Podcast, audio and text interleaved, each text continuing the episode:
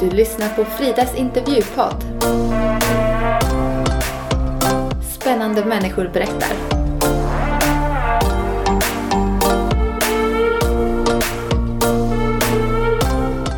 Det är för mig en ära att få intervjua Elise Lindqvist. Du kanske har hört henne föreläsa eller läst hennes bok Ängen på Malmskillnadsgatan. I över 20 års tid har hon varje fredagskväll sträckt sig ut till de prostituerade på Malmskillnadsgatan i Stockholm. Elise hamnade själv i prostitution som tonåring och hennes barndom har varit allt annat än trygg. Redan som femåring börjar en lång resa av sexuella övergrepp och misshandel. Elise delar här med sig av sin personliga resa som är enormt viktig för oss att ta till sig. Jag vill också varna känsliga lyssnare för vissa partier på förhand. Då ropar jag till min styvpappa, skjut mig, skjut mig. Jag vill inte leva. Jag är in, inte alls någon glad tjej. Utan jag bad att bli skjuten. Men han var så full så han hade glömt att lägga patroner i bössan. Därför sitter jag med dig här idag. Hej Elise, vad roligt att jag får möta dig här i Stockholm. Ja, jag är jätteglad att du vill komma hit. Du, nu när vi ses så tänkte jag bara börja ställa några lite annorlunda roliga frågor först. Jag tänkte höra, har du någon favoritdag på året? Undrar om inte det ändå är midsommarafton, eller dagen då, afton och dagen där. Midsommar, mitt i sommaren. Den är härlig. Ja. Du gör så många glada med den du är och du gör så mycket. Men hur ska man göra om man ska göra dig glad? Och det är att vara ungefär så där som du ser ut, Frida. Du, ser, du har ett leende som smittar av sig. Ögon som gnistrar. Ögon som liksom jag blir tilltalad av. Och när jag ser människor som tittar på mig och ler och man ser att det verkligen är ett leende.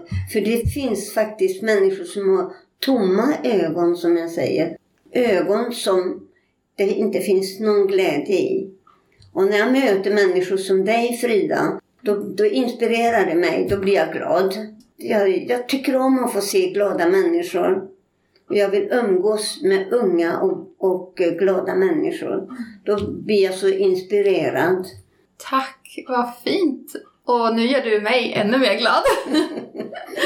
ja, det är jättefint att se dig också Elise. Tack. Det strålar verkligen. Hur är det att vara 84 år tycker du? Jag har faktiskt inte tänkt på att jag är 84 år och så länge till så är jag 85. Och jag menar, jag har inte tänkt på det. Jag har börjat att tänka, men snälla någon, jag fyller snart 85 år, vad ska jag göra då? Men 84 år, jag har mycket med mig av livserfarenheter som jag uppskattar väldigt mycket. Även om tiden som har varit har ju inte varit så roligt. Det har varit en, en fruktansvärt hemsk tid. Men att få, sen maj månad 94, få uppleva en helt, bli en helt ny människa. För det har jag blivit. Det gör mig så otroligt glad och jag känner mig en sån frid över det. Så jag tackar livet idag. Förr i tiden så avskydde jag livet. Vill du berätta lite om din uppväxt och så? Du har ju en väldigt lång resa. Jag har ju ingen familj som var kristen utan jag har en pappa som jag älskar väldigt mycket. Men mamma tror jag har svårt att visa kärlek. Men min pappa fick jag känna kärlek av och han kunde krama mig. Och som barn, då vill man bli uppmärksammad, man vill bli bekräftad. Man vill känna att mamman och pappan älskar en. Och det saknade jag under hela min barndomstid. Nu glöm, får vi inte glömma min pappa som jag älskade. Men under uppväxttiden att få vara med om att jag är ful och efterbliven och att man använde mig till sex sedan jag var fem år. Och att få uppleva det. Men att jag fick veta som barn att sex, det gör man med barn och med djur. Att som den lilla flickan Elise, fem år och uppåt, få vara med om det. Det har satt såna enormt djupa sår i mig och jag blev förstörd. Så jag har inte haft någon lycklig barndom. Jag har inga minnen av midsommar, julafton och någonting. Det är totalt mörker. Och att få känna ömhet och närhet av vuxna, det fanns inte i min värld. Utan jag visste att eh, farbröder, när man säger till mig klä av dig, dra ner byxorna, gå och lägg dig. Då vet jag det var det jag var värd. Och till och med skoltiden blev ett helvete för mig. Jag mobbades väldigt mycket. Och magistern hejade på. Magistern använde mig ibland, inte varje rast, men ibland på rasten så använde han mig till sex. Och uppleva det, känna det, det var äckligt. Och eh, en familj, det här då är jag sju år bara, så en familj som inte hade egna barn. Min mamma och pappa ville ju, det gör precis som det är idag, att det är någon som passar en unge. Och så var det för mig också. Mamma och pappa ville att en familj skulle hjälpa mig, ge mig mat. När jag är redan sju år så hatade jag måltider. Jag hatade att komma till någon som ville bjuda mig på mat. Jag fick alltid betala priset. Och det var att när måltiden är klar tar farbror mig till sängen. Han gör sex med mig. Tanten sitter och tittar på. Och jag kan inte förstå. Jag ligger ihopkrupen och gör sex med mig. Jag ser hur hon gnuggar sina bröst och magen och underlivet och hon ler emot mig och håller på. Jag förstår inte. Hur ska jag kunna förstå vad en vuxen människa, en tant, hon ler emot mig och gör sådana konstiga saker med när han gör mig illa. När, han, när, när det var färdigt och han har fått sitt, sitt och det han ville ha.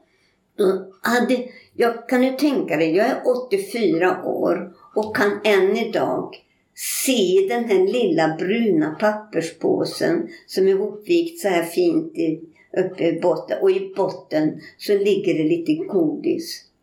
Hon hade ställt sin stol alldeles intill sängkanten så här och satt där och tittade på medan han förgriper sig på mig.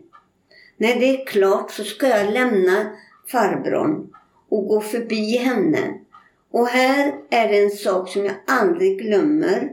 Och hon skakar den här lilla påsen med godiset i och säger till mig så här, om du berättar för någon enda människa vad vi gör med dig, då ska jag döda dig. Och så får jag godispåsen. Jag tar den och jag springer, jag springer för livet. För jag, jag, jag var så rädd om den där påsen. Och jag nästan tömmer den där godispåsen som var godis i botten. Tömmer det i munnen på mig för jag var väl livrädd att någon skulle komma och ta det ifrån mig. Det var belöningen. Fruktansvärt. Det var någonting som gjorde att jag började att hata middagar och mat då som liten och veta att jag är ful och efterbliven, att man gör så här med barn. Då fann jag mig alltid i det. Och det var alltid mitt fel, för det började redan då när jag var 6-7 år. Det var mitt fel. Jag skulle inte ha gjort så, jag skulle ha gjort så här. Det var alltid mitt fel när jag fick stryk. Och när man använde mig till sex, då var det mitt fel. Och det här pratar man inte om, sa man till mig. Vad gjorde det med, med dig som sjuåring? Jag blev tillbakadragen och jag blev eh, misstänksam mot alla människor och var rädd för människor på något sätt. Alltså inte så jag stod och skakade utan jag blev rädd och misstänksam. Jag litade inte på någon. Jag fick ju, det var min pappa. Men min pappa vågade inte berätta vad man gjorde med mig, för då skulle man döda mig. Jag visste att döden låg där om jag berättade. Sex, då berättar man inte. Det var mitt fel. Det var alltid så i alla år. Hela tiden och när man skolan också då som blev väldigt knasig för mig. Jag blev efter i skolan och och jag fick alltid piskrapp i, i ryggen och jag fick lägga mina händer på skolbänken på locket då, på den gamla tiden nu. Mm. Och så tar han pekpinnen och så slår han över mina händer. Och så lika han skulle böja mig fram med huvudet och lägga huvudet på, på med, med locket. Och så tog han och piskade mig. För att man måste ju piska vett i skallen på en sån här dår. Alltså jag är dåre, jag var dum i huvudet. Sen kom jag ju in då jag vuxen med tonårstiden. Och då var jag ju när jag är tio år och får vara med om att mamma ska skilja sig. Och eh, hon hade träffat en annan som hon skulle gifta sig med då. Jag är tio år och har inte den minsta glädje i att vara en ung flicka. Mm. En psykolog har sagt till mig utan din pappas kortvariga kärlek så vet man inte hur det hade gått för dig. Antagligen hade han väl snurrat till ordentligt. Mm. Och jag ville inte leva, det vet jag däremot. Så jag vet inte om jag försökte, men jag ville inte leva. Så när eh, jag är tio år och, och jag förlorar min pappa. Och den så hemskt att jag, jag klarar inte av att berätta. Alltså, min, mitt hopp, det var precis som man drar undan, man säger ibland, dra undan mattan ifrån fötterna. Jag kommer till en annan familj som jag känner. Och, eh, och tanten i familjen känner jag mycket väl då. Men jag är tio år och är livrädd för henne och kallar henne för häxa. Jag kommer dit och eh, sen får jag en madrass på det golv, ligga på golvet och sova. Och så får jag den där maten som jag hatade. Häxan, när det var färdigt med maten så tar tant, häxan mig till sängen och sticker nålar i rumpan på mig. Hon ska leta mask. Jag hade mask i magen, sa hon. Och så tar hon då en nål och plockar ut mask. Och det gör ont. Och jag kunde inte gråta. Och jag kan, och jag kan fortfarande, trots att jag är har den här åldern, så kan jag fortfarande inte gråta. Men, men här var det ingen idé att, att göra någonting utan jag bara låg där. Och här hade jag lärt mig redan när jag är sju år, fem killar som väl våldtar mig. En efter en. Då hade jag redan där som sjuåring, kanske redan fem, sex redan, men lärt mig att stänga av. Jag finns inte. De kunde skära mig, de kunde göra vad som helst men hela jag bara försvann. Och det har du säkert hört talas om, skulle jag tro Frida, eftersom mm, kvinnor som blir misshandlade som idag och sådär, man hör det. Man, man, man, man stänger av allting. Man finns inte till. Och så var det också när de här fem killarna våldtog mig på en stenhäll. Jag lurades in i skogen, kläddes av mig naken. Och så våldtar de mig en efter en. De andra som tittar, tittar på och skrattar och tycker det är jättehäftigt tar upp sand ifrån backen och skrap, skrapar huden på mig. Jag känner ingenting. Så skrattar de bara och lämnar mig där på stenällen. Så jag menar, det här med ungdomen och det här, det, det är passerat och jag har varit med om det här. Det, men jag, jag, jag är inte glad om det och jag, jag vågar berätta om det nu men det har suttit långt, långt inne för jag har trott att hela tiden det är mitt fel. Jag skäms. Jag skäms för att jag tillät att de använde mig till sex. Jag skäms för att magistern använde mig till sex. Och sen kom det en tid när du rymde hemifrån. Ja, men just det. Då hade jag levt ihop från 10 till 14 år. Och den som mamma blev kär i, han var ju alkoholist. Men det var ju sånt som jag förstår att hon inte har märkt. För då levde hon i sitt då. Och hon har också varit med om svåra saker förstår jag. Och då, då finns det den där kärleken. Här blev hon uppvaktad utav den här mannen då. Han drack T-sprit. Han åt svart skokräm på smörgås för att han skulle få en kick. Och har jag sett honom bli förvrängd i huvudet. Han skulle skjuta mig en gång. Så tar han och riktar geväret, pipan på mitt bröst och jag ropar, och jag är 11 år vet jag, någonstans där. Då ropar jag till min styrpappa, skjut mig, skjut mig, jag vill inte leva. Jag är in, inte alls någon glad tjej. Utan jag bad att bli skjuten. Men han var så full så han hade glömt att lägga patroner i bössan. Därför sitter jag med dig här idag. Och jag tror, förstår du Frida, vet du vad som jag är så starkt övertygad om? Och det är att Jesus fanns med precis från födelseögonblicket. Mm. När jag kom ut ur moderlivet så fanns han där. Och han har, hej, för jag har varit så nära döden flera gånger men aldrig dött. För Jesus, han hade en plan till mig. Förstår du det Frida? Att jag skulle inte dö.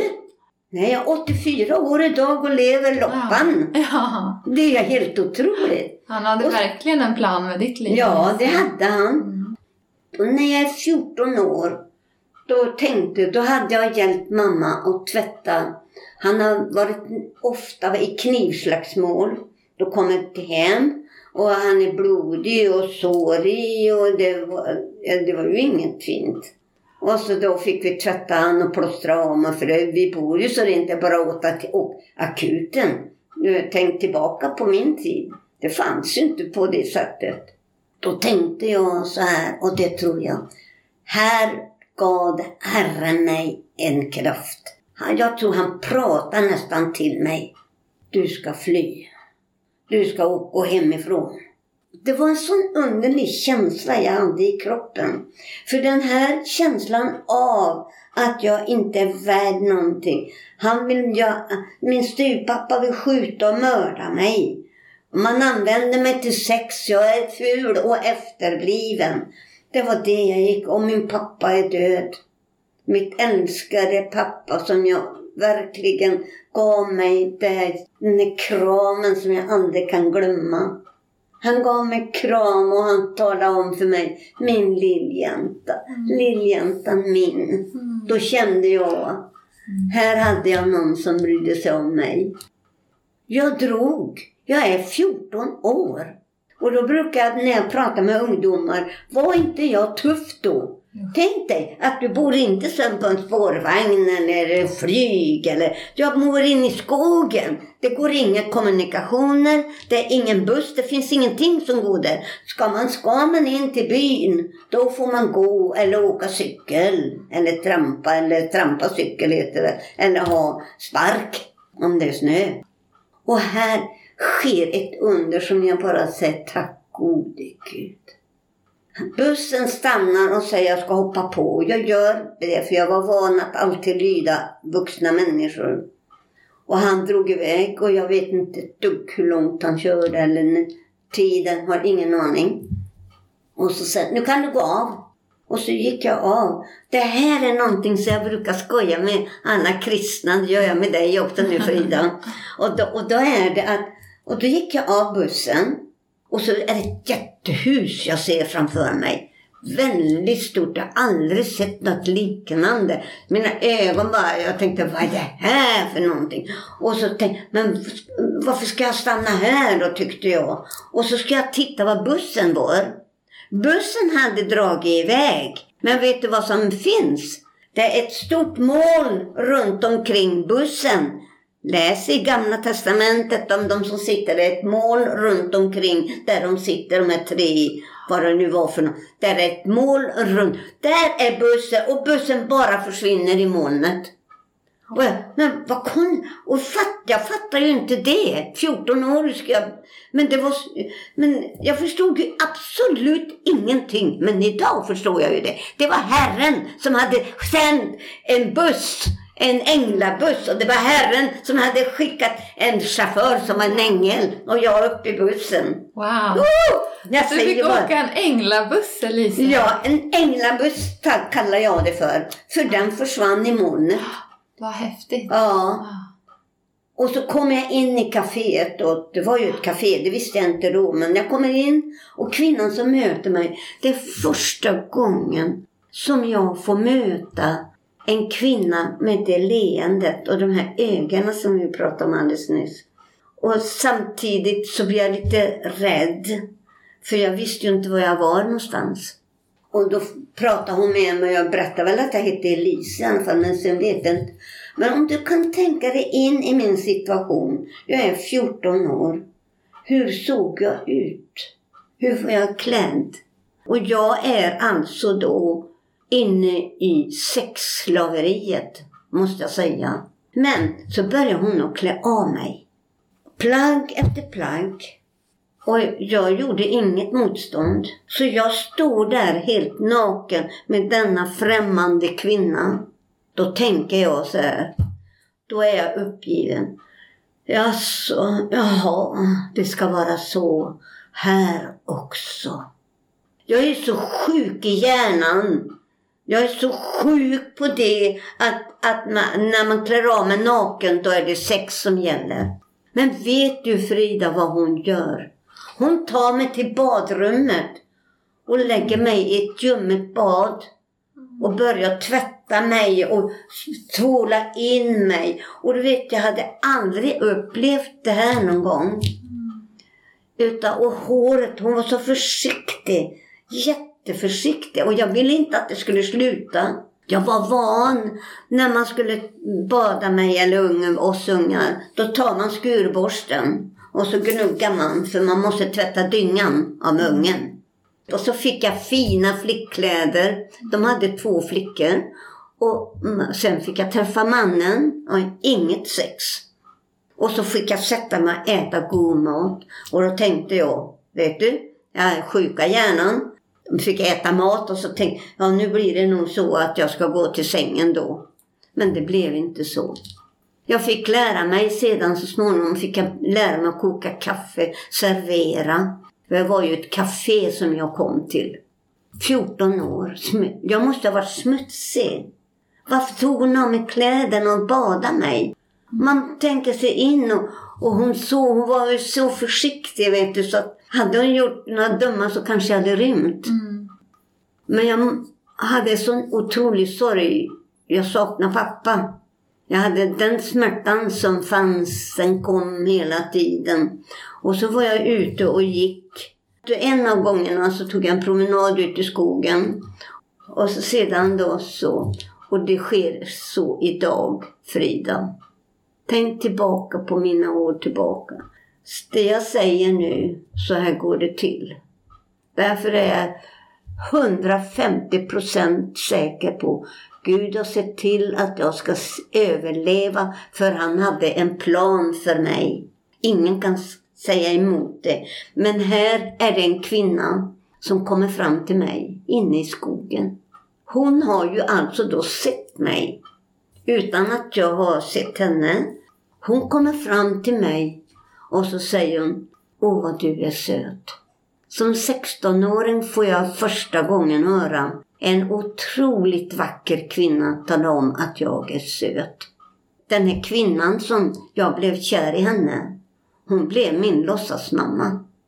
Och det här tar ju såklart tid alltså. Det är inte på en vecka det här sker nu. Mm. Det tog tid och till slut så flyttade jag hem till henne. Lämnade kafédelen helt, flyttade då bort. Och kom till henne. Och sen så lärde hon mig hur jag ska hålla min kropp. Jag får bo där, ha eget rum och ja, hon köper smink åt mig. Hon gör mig så fin vet du, och jag älskar ju henne. Hon uppmuntrar mig hela tiden. Men vad duktig du är Elise. Du är ju kanonduktig. Kan du göra lite mer åt det där? Och, och, och, och så hur jag ska hålla kroppen. Anar absolut ingenting. Och så var det viktigt det här med händerna. Hur jag gjorde med händerna när jag stod upp. Då visade hon så. Kan du göra? Och så försökte jag göra. Nej, nej Elise. Du ska göra så här. Så. Och jag tänkte, åh, tänk att jag får vara, vara med henne och visa vad jag ska göra. Och snäll är hon emot mig. Hon skadar inte min kropp. Och så sedan så, ja, tyckte hon ju att jag var superduktig. Och så kom den dagen, då säger hon till mig, nu är det dags för dig att börja arbeta för mig. Då är jag 16 år och jag blev otroligt glad. Och jag säger till jag gör allt för dig, jag älskar dig. Jag gör allt för dig, jag gör precis det du vill jag ska göra. Vad ska jag arbeta med? Jag ska sälja dig till män. Och då var det precis som, ja du vet man drar ner en rullgardin nästan. Men jag tyckte så mycket om henne.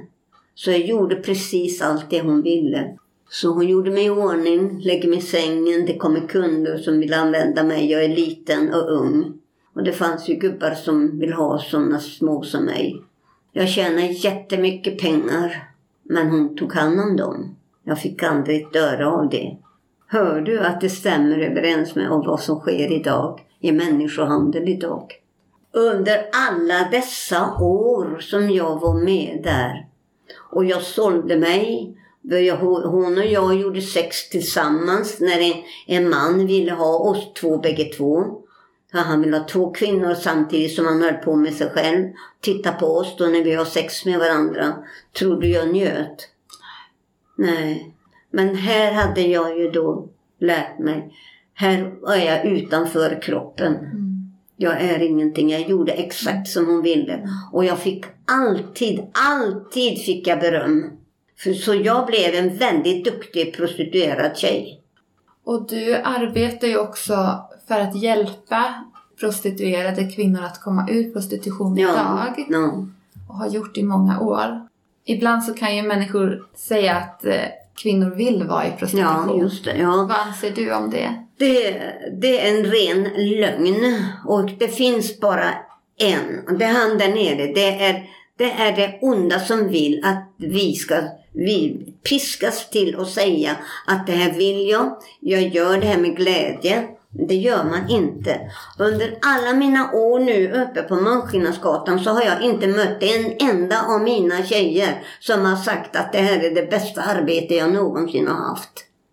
Och de får vara med om mycket svåra saker. Och flickorna säger idag då så här, vi säger nu fem, fem år tillbaka eller någonting, har man sagt att sexet har blivit mycket grövre nu. Nu är det mycket våldsammare. Det är mycket hårdare. Så nu får kvinnorna, alla mina tjejer, får finna sig i den här hårdhänta och den här porrindustrin nu som är så mycket ute i. Och unga flickor som jag får möta har lurats in i detta. Och det är samma som jag själv har varit med om. Men jag är så tacksam för nu kan jag ha ju någonting här i ryggsäcken som jag kan ta fram och berätta om. Jag har varit med om det. Men hur kan du göra? Du är ju så glad, du ser så pigg ut. Men har de gjort så med Ja, de har gjort så med mig. Men jag har förlåtit det. För då när jag var nyfrälst då, maj månad 94, det var då jag kom till mitt behandlingshem. Och då var jag mycket nerkörd. Då är jag så full av hat, bitterhet, skam, skuld, allt det här som vi tar på oss. Och det är vi tjejer som gör det.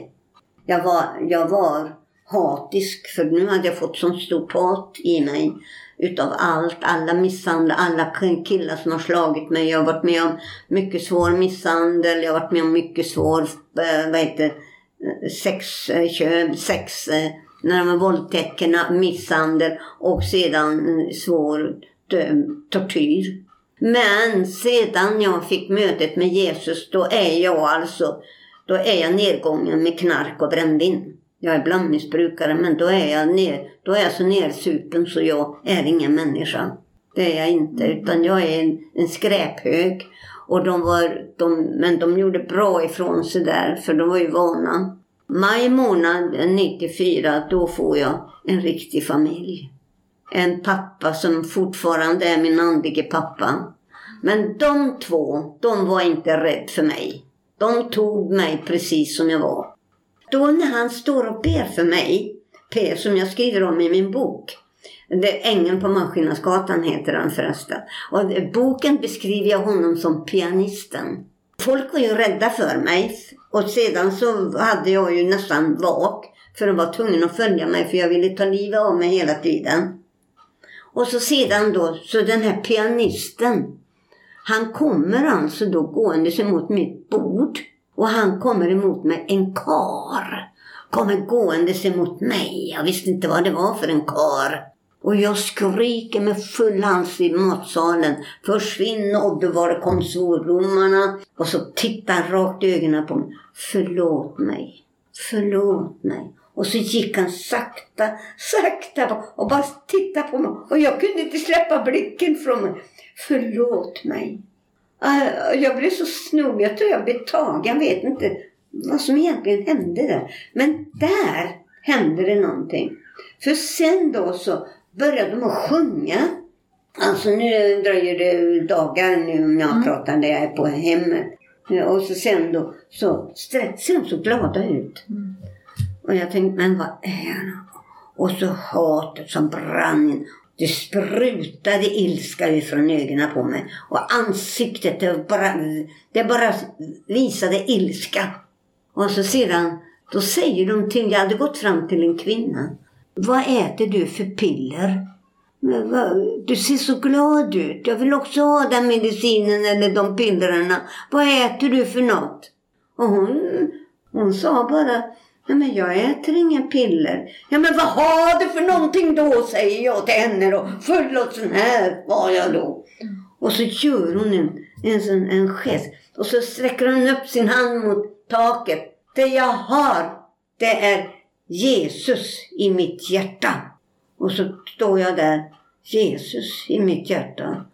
Och så Jesus hade de sjungit om, jag trodde det var Beatles-sång eller någonting. Jesus, jag hade ingen aning om vem han var. Där hände det, det stora ögonblicket. Så jag vaknade plötsligt uppifrån.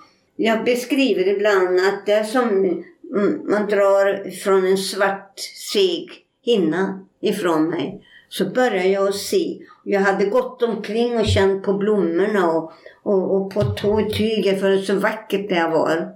Och gått fram och frågat, men har jag varit här hela tiden? Ja, jag var blind, men nu jag ser. Bästa helandet måste jag säga, det var när jag kom in på förlåtelsen. För min andlige pappa sa till mig, du måste förlåta allt det du har varit med om. Annars kommer det inte att gå så bra. Och jag var otroligt arg. Så jag lämnade honom tre gånger. Och jag var så arg och då skriker jag åt honom. Det är typiskt ni karlar. Ni ska minsann, för vi ska förlåta. Men vi som är ett offer, ska jag förlåta? Aldrig! Då började jag läsa Psaltaren 51 och sådär. Så började jag läsa. Och då, då så tredje, tredje gången när jag kom hem till dem så sa jag att jag vill försöka. Men jag vet inte hur det kommer att gå. Här är det precis som jag genomsköljde. Jag brukar kalla det för en helig andes dusch. Det ju- kändes precis som att duschen, jag kände Guds närvarande, helande. Kände hur mina bröst och magen och underlivet känner hur det bara tvättas rent. Det var så stort, alltså just det ögonblicket så föll jag bara ihop på golvet. Och då förstod min pappa att nu har det hänt ett under. Och det gjorde det. Och efter det så började det sakta men säkert, inte sådär bara, nej, utan det sakta men säkert så kom det så jag började känna kärlek. Jag började känna smärtorna här som jag hade i kroppen. Känner jag då hur det ebbar ut. För du vet, i så många år har kroppen varit så mycket illa. Sakta men säkert så börjar jag känna eh, sådär det, tillit till livet, till människor och eh, till och med jag börjar tycka om mig själv. För jag hatar mig själv så fruktansvärt. Redan det barnet, sju år, så hatar jag mig. Allt det här, det har jag nytta utav uppe på Malmskillnadsgatan. Och jag tänker Lise, du har ju varit där i många år. Vad, vad är det som får dig att fortsätta gå ut? För du går ju ut varje fredagskväll och är uppe ända till fem på morgonen kommer du hem. Ja.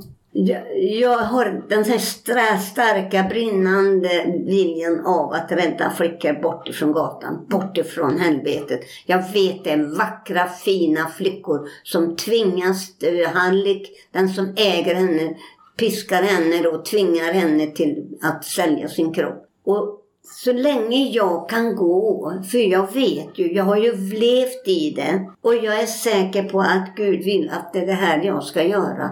Därför ger han mig krafter. Ja, det är en drivkraft som jag inte kan förklara riktigt.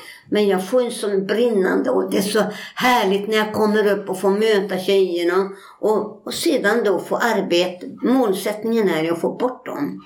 Och det har vi ju lyckats med. Men det kan jag inte prata så mycket om. Därför att det här är en kriminell... Nu är vi uppe i maffians värld. Vad, vad tycker du är svårast när du går ut? Det svåraste och som jag och jag vet mitt team också som jag har med mig. Att det kommer upp en väldigt ung flicka som är väldigt neddrogad. Och kanske är misshandlad svårt. Jag har haft två stycken som har dött i min famn av svår misshandel. Alltså se det här Alltså vi går ju till djävulens gata som ungdomarna kallar det för. Innan jag glömmer det ska jag säga till dig Frida och det är att om du tänker dig in i vad jag säger nu och det är att flickor som kommer fram och säger Morsan, vill du be för mig? Ja men absolut, vad ska vi be för? Och så kommer orden. Be att jag kommer levande tillbaka. Och så sen så ber man för det. Vi är djupt inne i bönen. Jag håller om flickan och ber att inget ont ska hända. Och så säger man amen och så sedan tackar man och så går hon. Och så då, sekunderna då går så ser man hur hon hoppar in i en bil. Elise, du har ju berättat en solskenshistoria för mig förut. Att det eh, finns det hopp på gatan. Ja. Det gör det. Det är, det är det som gör att man orkar också. För vi vet att det finns hopp. Och det var en fredagnatt och det var rätt så kyligt. Och den här bilen, den, en bil som kom glidande så parkerade lite slarvigt sådär och vi såg det. Men vad är det för en, vad är det för en person som ställer sig så här? Kvinnan hoppar ur bilen. Jaha, och så ser du, hade hon en liten hund i famnen. Och, och så, ja vad är det med henne? Och så kom hon springandes. Morsan! Morsan! Slänger sig på backen och omfamnar mina fötter, benen. Tack gode Gud, du uppmuntrade mig och du sa till mig. Känner du igen mig förresten, sa hon då sådär. Ja, men, jo, men jag ser, men du har ju, ja, men jag, det är en total förvandling på mig. Men det är tack vare dig, för du sa att jag skulle göra så här och så här. Och nu har jag en egen salong och jag har en egen lägenhet, jag har en egen bil och så har jag en egen hund. Mm. Och det är tack vare dig. Och Jesus, sa hon. Fantastiskt. Mm. Och så en annan också då som också då bor i ett helt annat land som också är egen företagare. Mm. Alltså de där små glädjegrejerna, mm. vet du det. Och så en fredag natt, vad är det jag säger? Men, men då skriker jag åt, nej men titta, titta! Och jag kutar som en tok, kutar ner mot dem. Men är ni inte döda? Jag trodde ni var döda. Ja, är ni döda? Nej, vi är inte döda, säger de då. Och vi kommer och kramar varandra. Jag trodde de var döda. Mm. För det är alltid det jag tänker. Att de dör. För ändå mördas de eller också dör de av sjukdom. Och då läser de alltså då till farmaceut och hudterapeut.